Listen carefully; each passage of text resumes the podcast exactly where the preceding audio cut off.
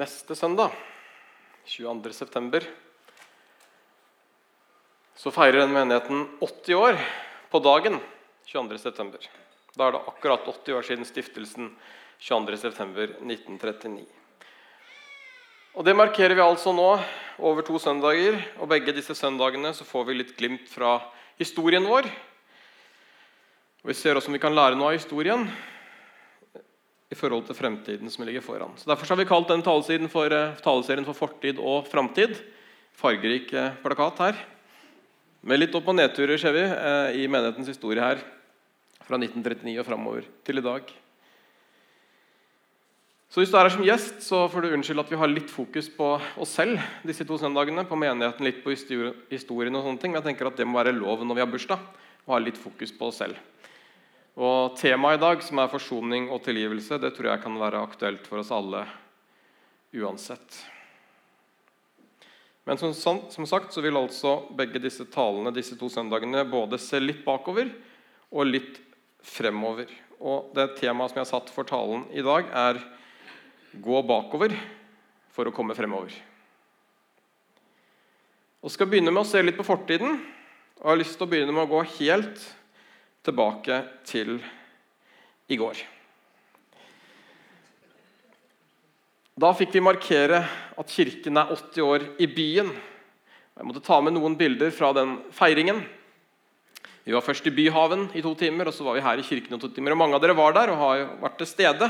Men for dere som ikke var her, så vi med noen bilder. Vi var altså i, i Byhaven, hadde stand. Vi har fått fint banner fra anledningen med 80 år, så vi kunne bare klistre på til A når vi er ferdig. Så kan vi klistre på til E når neste år 82 år. Og bruke det igjen og igjen. Det var jo så lurt vet du, i forhold til økonomien som er dårlig. og alt det der. Men vi var til stede mange. Speiderne var med. De spikka med folk. De hadde kast på kjærlighet og vinn en kjærlighet. og Mange barn eh, deltok på det. Eh, vi delte ut boller, og pastor Odaril her, han delte ut flere hundre boller tror jeg, til folk som kom forbi. Hits, dansegruppa vår, dans- og sanggruppen vår, de var med og dansa. Flere danser, veldig bra og moro. Og det var mange som møtte opp for å se på dansen og det som skjedde. Mye stemning i Byhaven, som vi ser. Mye folk. Og veldig mange fra menigheten også stilte opp og hjalp til. Så alfakurs og samtalerom med alle de som var med. Småbarnstreff. Og det var veldig bra. Ja, god stemning. Mye barn. Og så var det da offisiell åpning av den nye kaffebaren vår i foajeen her ute. Så det var også god stemning der, som vi ser. Den var også åpen før gudstjenesten i dag, fra kvart over ti og fram til litt før gudstjenesten begynte. Og vi håper at den skal kunne være åpen også på, på søndager fremover, før gudstjenesten. Så vi kan komme litt tidligere og kjøpe en god kopp kaffe. Et nytt sosialt samlingssted som vi håper også kan få lov til å bety noe utover mot byen etter hvert. Men det var som sagt god stemning der. Det var god stemning oppe i tre etasje, hvor det var aktiviteter for barna. Her kunne man eh, kjøre PlayStation, og det er flotte lokaler de har fått der oppe. og Hvis ikke du har sett eh, lokalene der oppe, så får du muligheten på Kirkeaften i dag. Hvor du kan få lov til å se hvordan ungdommen og de har fått lov til å designe kafeen og gjøre det bra. Her var det ansiktsmaling og kiosk i går, som også var veldig populært. Og Det var veldig fint at vi kunne bruke 80-årsanledningen til også å bety noe for byen vår. For det har nemlig menigheten fått lov til å gjøre helt siden den ble starta i 1939. Når Grimstad Frie evangeliske misjonsmenighet som den het da, ved oppstarten, ble etablert i 1939, så var det 48 medlemmer med en gang. Og Så gikk det et par måneder, så hadde den 97 medlemmer. så det var altså en knallstart, en dobling i løpet av et par måneder. Og 97 medlemmer var bra, for det bodde bare cirka litt over 2000 mennesker i Grimstad sentrum på den tida. Og i Stor-Grimstad så bodde det kanskje 9000 mennesker. Så det var jo ikke så mange som i dag. Så det var en veldig bra start for menigheten. Og Det tok bare noen år før menigheten fikk sitt første bygg. Den begynte jo i telt. Det kunne vi lese om i adressa, hvor det sto at vi begynte historien vår i et telt. Og så vi et, fikk vi et hjem etter hvert i Skaregrømsveien. Og vi fikk etter hvert flytt, utvide der og flytte til Garveriet. Og så har vi fått flytte hit da, i løpet av disse 80 årene. Men det var mye som var lovende i starten. som sagt. Det var, gikk ikke, ikke, ikke lang tid før man fikk bygg. Det var mange medlemmer. Men det gikk heller ikke så veldig mange år før de første utfordringene kom. Kåre Røynås han er eh, til stede i dag. Han er 93 eh, år gammel, sitter her nede. Han har vært medlem i menigheten helt siden oppstarten i 1939 i teltet. Så han har vært med på det aller meste i denne menigheten gjennom de 80 årene. Og jeg og Ja, det er veldig bra.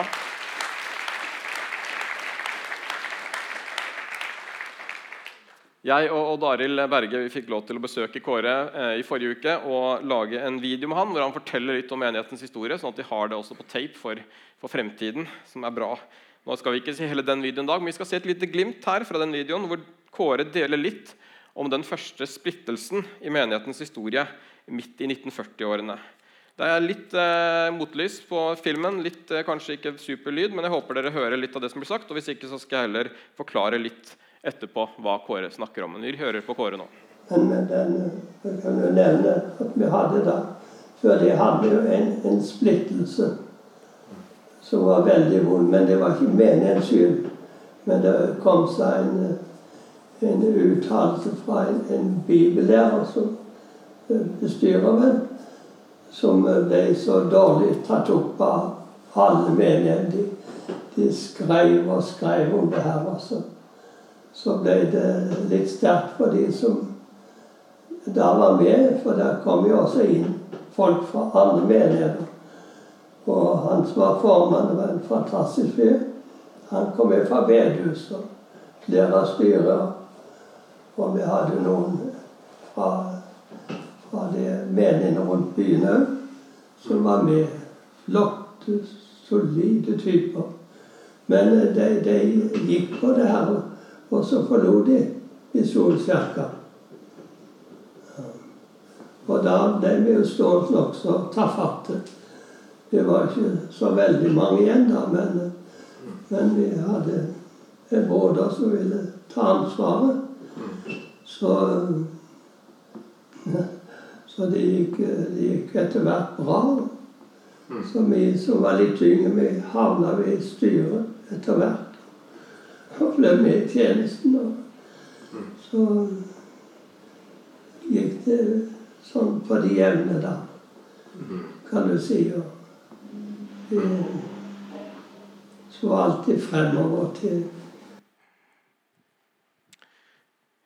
Yes. Eh, det var en liten del, deling fra splittelsen som oppsto i 40-årene når menigheten ikke var så veldig gammel som endte med at mange forlot Misjonskirken, også mange av lederne og, og formannen som, på den tida som Kåre forteller om her.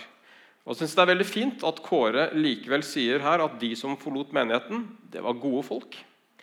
Formannen var en fantastisk fyr, sier Kåre. Og de andre som også gikk ut, var flotte, solide typer, sier Kåre. Og Det er litt annet fokus og en god måte å omtale dem på, syns jeg. Historien som ligger bak, den kan vi ikke gjøre noe med. Vi kan ikke endre på historien, men vi kan lære av den og vi kan minnes det som ligger bak.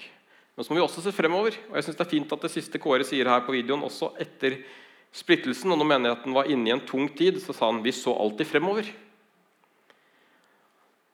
Og Det er det vi som menighet alltid må gjøre. Vi må se fremover. Men det var en tøff tid for menigheten i 40-årene. Og Finn Ivar Knutsen, som også er medlem her i Misjonskirken, han har skrevet annet en masteroppgave om denne splittelsen, eller i hvert fall om denne striden, som ble eh, kalt forsoningsstriden. Halvparten av Misjonskirkens medlemmer forlot Misjonskirken i løpet av et par år. Og 1.1.1946 så hadde Misjonskirken 81 medlemmer. Ved utgangen av 1948, to år senere, så var det bare 40 igjen. Mange av hovedkreftene forsvant. Det var mange unge igjen. De hadde ikke pastor. Økonomien var presset. Og Det var nok ikke bare bare å drive menighet da, men som Kåre sa, de så allikevel fremover. Og I løpet av disse 80 årene så har Misjonskirken opplevd gode tider og utfordrende tider. Sånn er jo livet. Det går opp og ned. Og Vi har også veldig mange eksempler i Bibelen på mennesker som gikk gjennom både gode og vanskelige dager. Og En historie vi skal se sammen på nå, den finner vi i Det gamle testamentet, i første Mosebok. Den starter i kapittel 37, og så fortsetter den ganske lenge. og Den handler om Josef. Josef han var nest yngst i en uh, stor søskenflokk med mange brødre. Og Bare 17 år gammel så klarer han å skape uh, splid i brødreflokken. Og Brødrene er misunnelige på Josef. og Det står at de kaster han i en brønn før de etterpå velger å selge han som slave til Egypt. Det var ikke så veldig snilt behandling av en bror. I Egypt så havner Josef i tjeneste hos Potifar. Han får litt problemer med Potimor og havner i fengsel. Og Josef hadde egentlig ikke gjort noe galt. Men Potifars kone, som vi ikke vet hva heter, så derfor kaller vi henne bare Potimor, hun fikk altså kasta Josef i fengsel. Og så opplevde Han opplevde egentlig ganske mange vanskelige ting. Ble sittende en stund i fengsel etter å ha vært blitt solgt som slave og opplevd litt utfordringer. Men selv om han opplevde en del vanskelige ting, så opplevde også Josef at Gud var med han. Så I fengselet så får han lov til å tyde noen drømmer for noen hoffmenn. og etter hvert får han også tyde en drøm for farao. Og Så stiger han etter hvert i gradene og blir etter hvert faraos høyre hånd. Og etter hvert den som styrte landet i praksis. En slags statsminister. Og Josef han var 30 år når han fikk denne stillingen som, som statsminister. hvis vi skal kalle det. Og det betyr at når han var 17 år, når han ble solgt som slave, så betyr det at det var 13 år han hadde i Egypt som kanskje var litt mindre gode i livet. 13 år er ganske lang tid. Og Så kom det syv gode år hvor han var statsminister, og så kom det syv dårlige år etter de. Og I de, løpet av de dårlige årene så kommer Josef sine brødre til Egypt for å finne mat. For det var vanskelige tider, og det var lite mat. Og Josef møter da brødrene sine, som trodde sikkert at Josef var død. De visste jo ikke noen ting om han. Og Dette er altså første møte mellom brødrene på over 20 år. Brødrene vet ikke som sagt at han lever. Antagelig tror de kanskje at han er død. I hvert fall at han er slave et eller annet sted.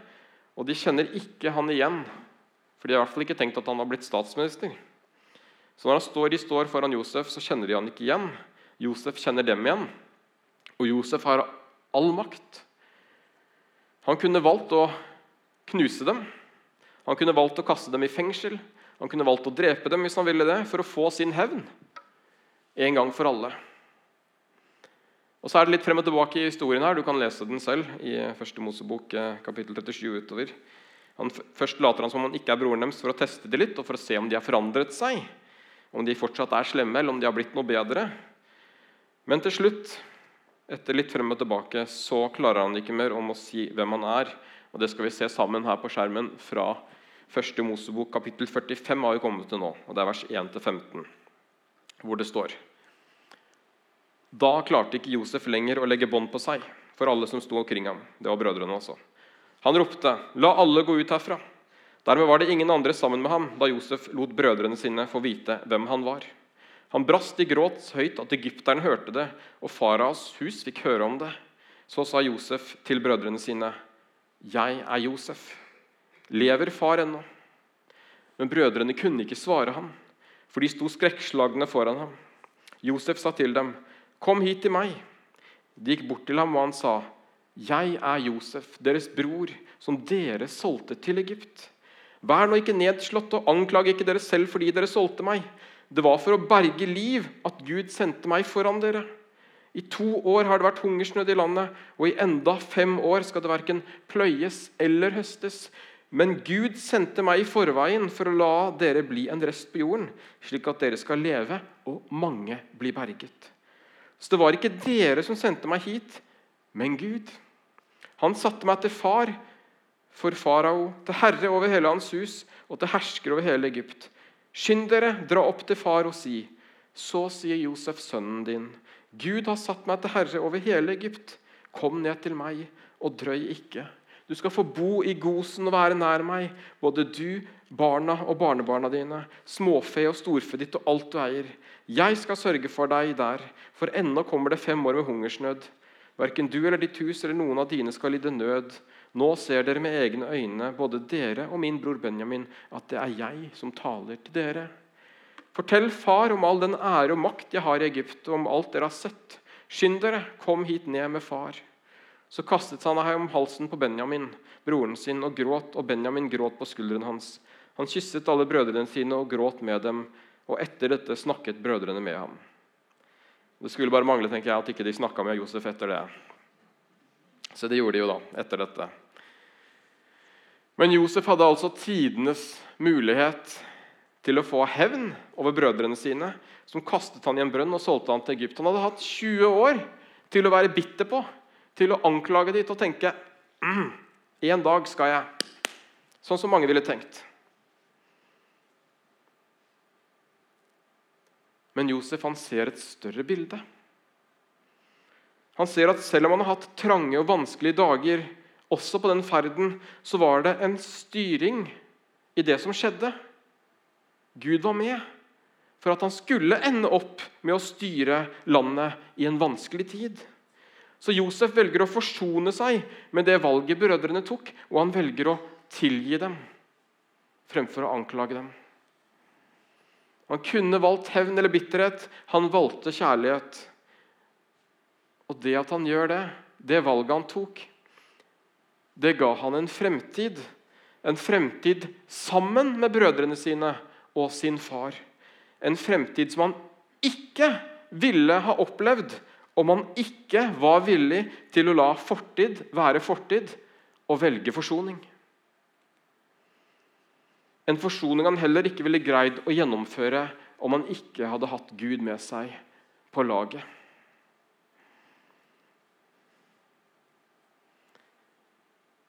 Og det her er egentlig en ganske sterk historie om forsoning, om viktigheten av forsoning, og hva det kan føre til for så mange. Han kunne valgt bitterhet, som er en veldig naturlig reaksjon. Og Dessverre så tror jeg mange av oss også i situasjoner hvor vi skulle valgt forsoning og tilgivelse, har valgt anklage, bitterhet og hat.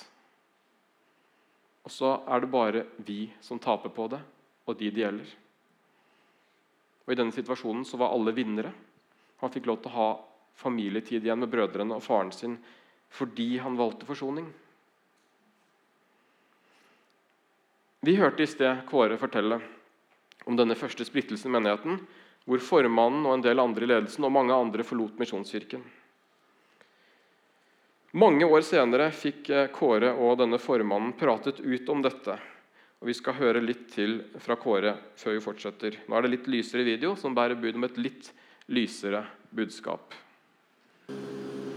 Ja, det, det kan jeg jo fortelle, sånn at de hører det. Han eh, jeg, jeg var ansatt på sykehus noen år. Kjørte sykebil og vaktmester der. Og der eh, ble han innlagt, han som var formann. For å dø. Og på dødsleiet så hadde jeg en samtale med ham.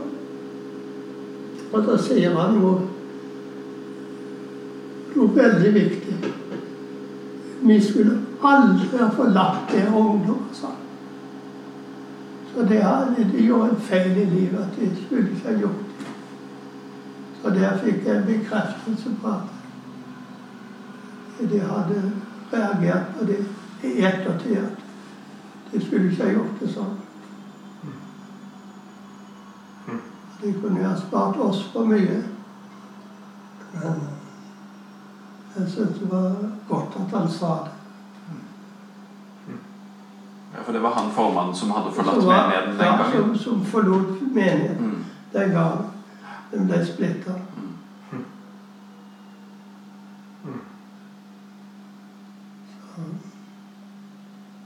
Så, så sånn er det. Men nå får vi bare Nå må vi bare se fremover. Det, nå er denne epoken over med 80-årsjubileum. Så nå går vi til 90 år. Hvis Herren drøyer så lenge, da, det tror jeg ikke. Men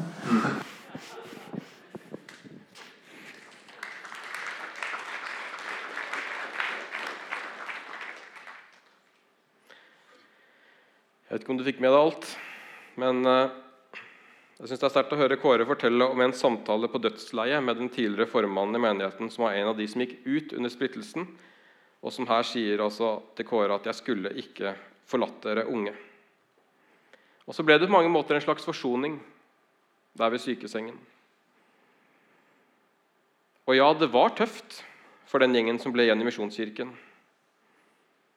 Men Gud var med. Man så fremover, og så har vi kommet hit vi er i dag likevel. Selv om det var en tøff tid, så, så har det gått bra. Og menigheten var flink til å se fremover og stå i oppdraget og se det større bildet. Akkurat sånn som Josef gjorde.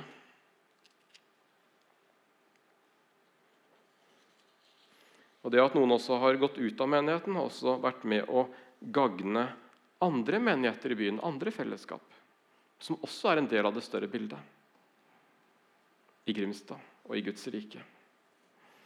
Og så synes jeg det igjen er sterkt når Kåre igjen på slutten av videoen sier men nå må vi se fremover. Og det er sant. Vi kan se tilbake, vi kan kjenne historien. Men menighetens viktigste tid ligger ikke bak oss. Den ligger foran oss. Men allikevel så kan det være noen ganger ting som vi må ordne opp i i fortiden. For vi gjør alle feil. Det er menneskelig å feile. Og gjennom disse 80 årene så er det mange mennesker som har gjort feil i denne menigheten. Og I de neste 80 årene som kommer, så vil det være mange mennesker som fortsatt vil gjøre feil i denne menigheten. Det viktigste er ikke om vi gjør feil eller ikke, for det gjør vi alle. Men at vi tar ansvar for de feilene vi gjør, og at vi lever ut forsoningens tjeneste iblant oss. Hør på disse versene som Paulus skriver i 2. Korinterbrev 5, som også har en overskrift i Bibelen som heter 'Forsoningens tjeneste'. Vi leser fra 2. Korinterbrev 5, vers 16 og utover. Så kjenner vi ikke lenger noen bare på menneskelig vis. Og har vi før kjent Kristus på menneskelig vis, så kjenner vi ham ikke lenger slik. Nei, den som er i Kristus, er en ny skapning. Det gamle er borte, se det nye er blitt til. Men alt er av Gud, Han som ved Kristus forsonte oss med seg selv og ga oss forsoningens tjeneste. For det var Gud som i Kristus forsonte verden med seg selv, slik at han ikke tilregner dem deres misgjerninger, og han betrodde budskapet om forsoningen til oss. Så er vi da utsendinger for Kristus, og det er Gud selv som formaner gjennom oss. Vi ber dere på Kristi vegne, La dere forsone med Gud. Han som ikke visste av synd, har han gjort til synd for oss, for at vi i ham skulle få Guds rettferdighet.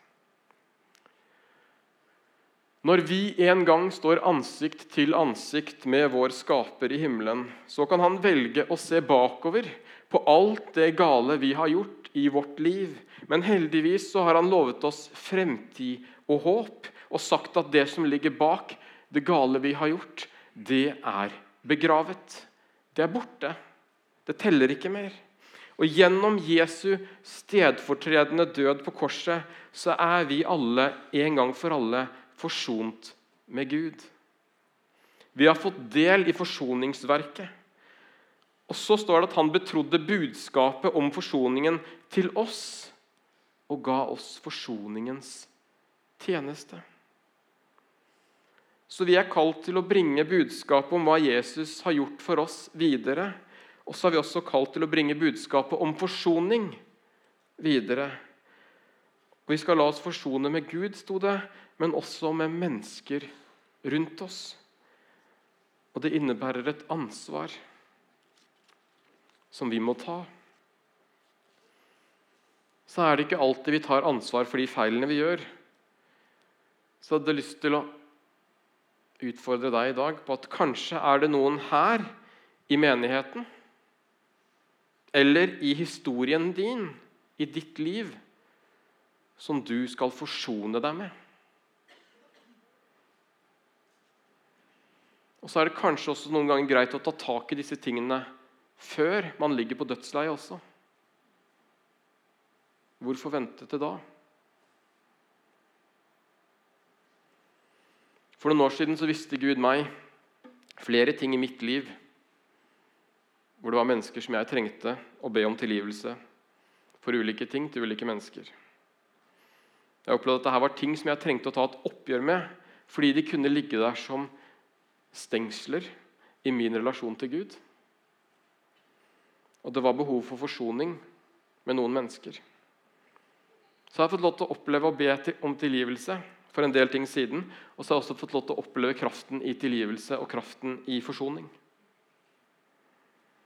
Så har jeg fortsatt én ting igjen som jeg håper å få tak i om ikke altfor lenge. Men det er også en måte å legge det på Gud og be til Gud og si Gud, Hvis det er ting i mitt liv som jeg trenger å ta et oppgjør med, så vis meg det. Hvis det er noen jeg trenger å be om tilgivelse, så vis meg det, slik at jeg kan ordne opp, at vi kan forsones, at jeg kan legge det bak meg, og at jeg så kan få lov til å se fremover uten at det som ligger bak, tynger eller hindrer oss i å se fremover. For jeg tror dessverre at uoppgjorte ting i fortiden vil hindre oss i å kunne se fremover, og det vil hindre oss i relasjonen vår med Gud. Så Noen ganger må vi være villige til å gå tilbake for å rydde opp i noe før vi kan komme videre. Noen ganger må vi ta ett skritt tilbake, slik at vi kan etterpå ta to skritt frem. Det har gjennom historien vært flere utfordrende perioder i Misjonskirken. Men folk har alltid vært villige til å komme seg videre og se fremover. Jeg tror det ligger litt i DNA-et til Misjonskirken. Og Filippe-brevet 3, 12-14 sier Jeg mener ikke at jeg alt har nådd dette, eller at alt er fullkommen, men jeg jager frem mot det for å gripe det, fordi jeg selv er grepet av Kristus Jesus. Mine søsken, jeg tror ikke om meg selv at jeg har grepet det, men én ting gjør jeg. Jeg glemmer det som ligger bak, og strekker meg etter det som er foran. Og jager frem mot målet, mot den seiersprisen som Gud fra det høye har kalt oss til i Kristus Jesus. Så er det ikke alltid vi klarer det her. Og så tror jeg dessverre også at det noen ganger fører til at vi mister noen på veien, også som menighet. Og Det er ikke bare de som forlater menigheten sin feil, men det er også ofte vår feil, hver enkelt som er her. Når vi flytta inn i dette bygget, så var 'plass til alle' vårt slagord.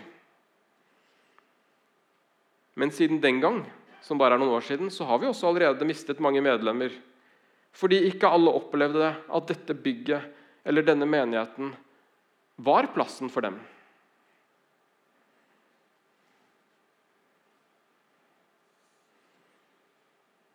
Og så har vi alle et ansvar der.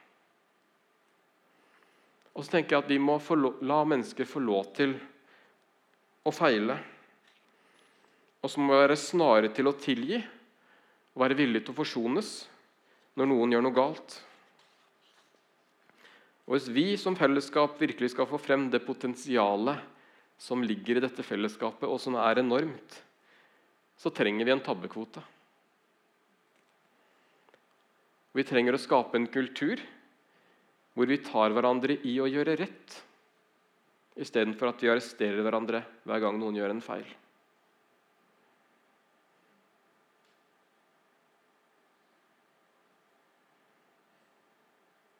Og Kanskje du er her i dag fordi du opplevde at noen heiet deg frem når du var ung. Selv om du kanskje ikke gjorde alt rett, så var det allikevel noen som heia på deg. Og Det er kanskje grunnen til at du fortsatt er medlem her i menigheten. Kanskje er det nå tid for deg å heie frem andre. Eller kanskje så er du ikke så aktiv her lenger fordi at det manglet folk som heiet på deg. Eller kanskje var det noe som kom i veien.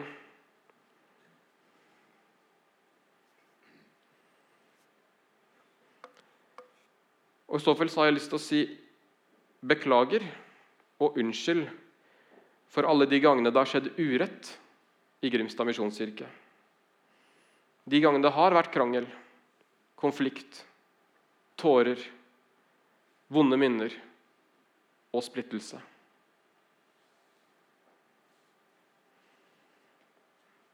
Og Kanskje så er det som nevnt noe av dette som du skal ta et oppgjør med i dag. Kanskje er det noen du skal be om unnskyldning. Kanskje er det noen du skal tilgi eller forsones med. Har, når det gjelder å skape forsoning, så har vi både et ansvar når det gjelder å tilgi andre, men også å akseptere andres bønn om tilgivelse. Det er to sider. For ja, vi har et bygg som er stort, og som har plass til mange.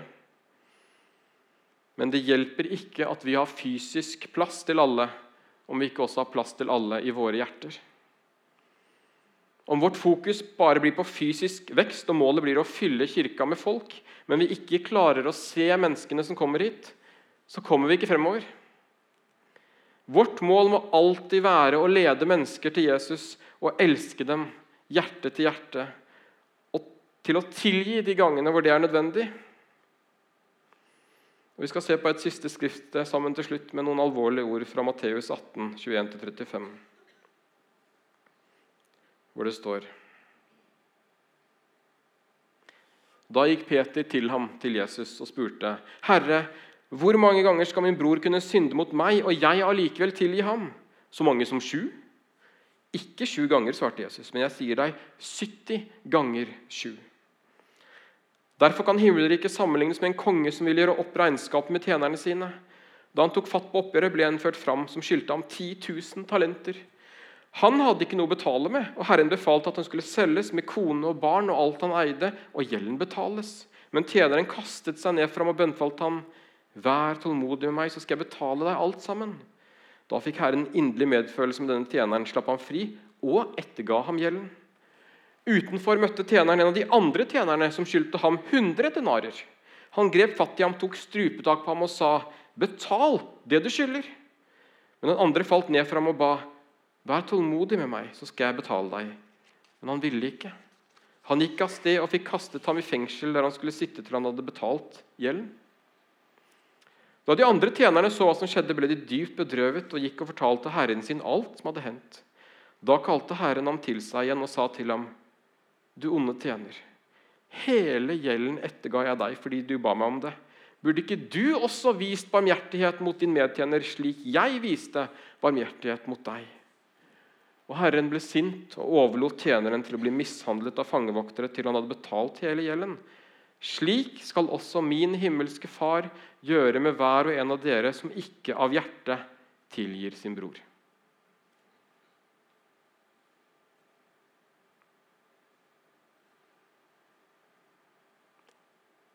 Gud har ettergitt oss en stor gjeld, folkens.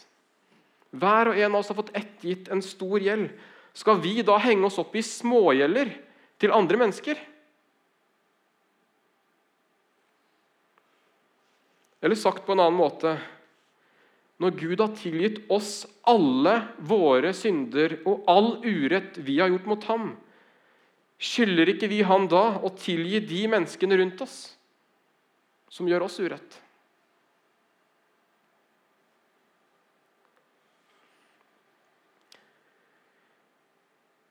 Vi kan alltid se tilbake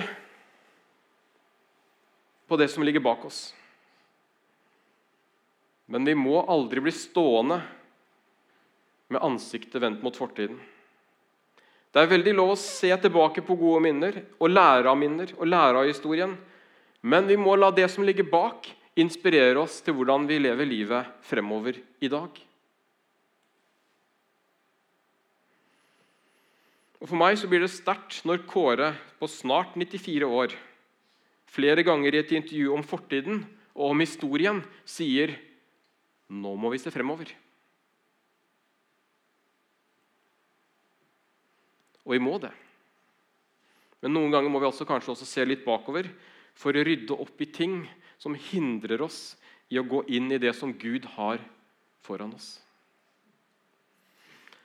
La dette 80-årsjubileet bli en anledning for deg til å ta tak i de tingene i historien som Gud må legge på ditt hjerte og vise deg i ditt liv. Og Kanskje er det noen du skal ta kontakt med for å snakke ut om ting med. Kanskje vil du begynne i dag med å gå til forbønn etterpå nå og legge noe av din fortid over på Gud.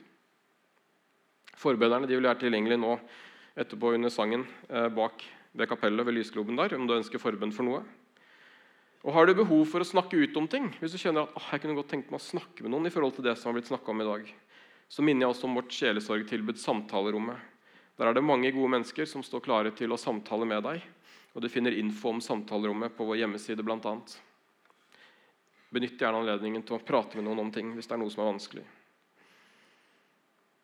Hva du skal ta tak i, hvordan du skal gjøre det, legg det på Gud. Og Du kan få lov til å tenke litt på det også nå når vi skal få høre en sang fra Rita og Eivind Wilhelmsen. Så de kan gjøre seg klare. Og la oss be en bønn sammen. Kjære far, jeg takker deg for at eh, vi som menighet kan få lov til å feire 80 år her i Grimstad. Du ser det har vært både vanskelige tider og det har vært gode tider gjennom menighetens historie. Nå ber jeg om at du må hjelpe oss alle til å, å se fremover. Se fremover mot det som du har planlagt for Grimstad, far, og for menneskene her, far. Og så ber jeg samtidig om at Hvis det er ting i vår fortid som vi trenger å ta et oppgjør med, eller ta tak i, far, så må du vise hver enkelt det, far. Hvis det er noen mennesker vi skal gå til og, og be om tilgivelse for noen, far, så gi oss den frimodigheten og den styrken som det krever, far. For jeg ser at det er bare gode ting å vinne på det, far. Takk at vi ikke trenger å gå i egen kraft, men at vi kan få lov til å ta deg med inn, far. Og at du kan gi oss de ordene vi skal bruke. At du kan gi oss den kraften som trengs for å gjøre det, far. Takk at du velsigner hver enkelt her inne nå, far. Må du se til hjertene. Må du bruke anledningen nå til å tale til oss. Hjelp oss til å lytte til deg i våre liv, far. Vi ber Jesu navn. Amen.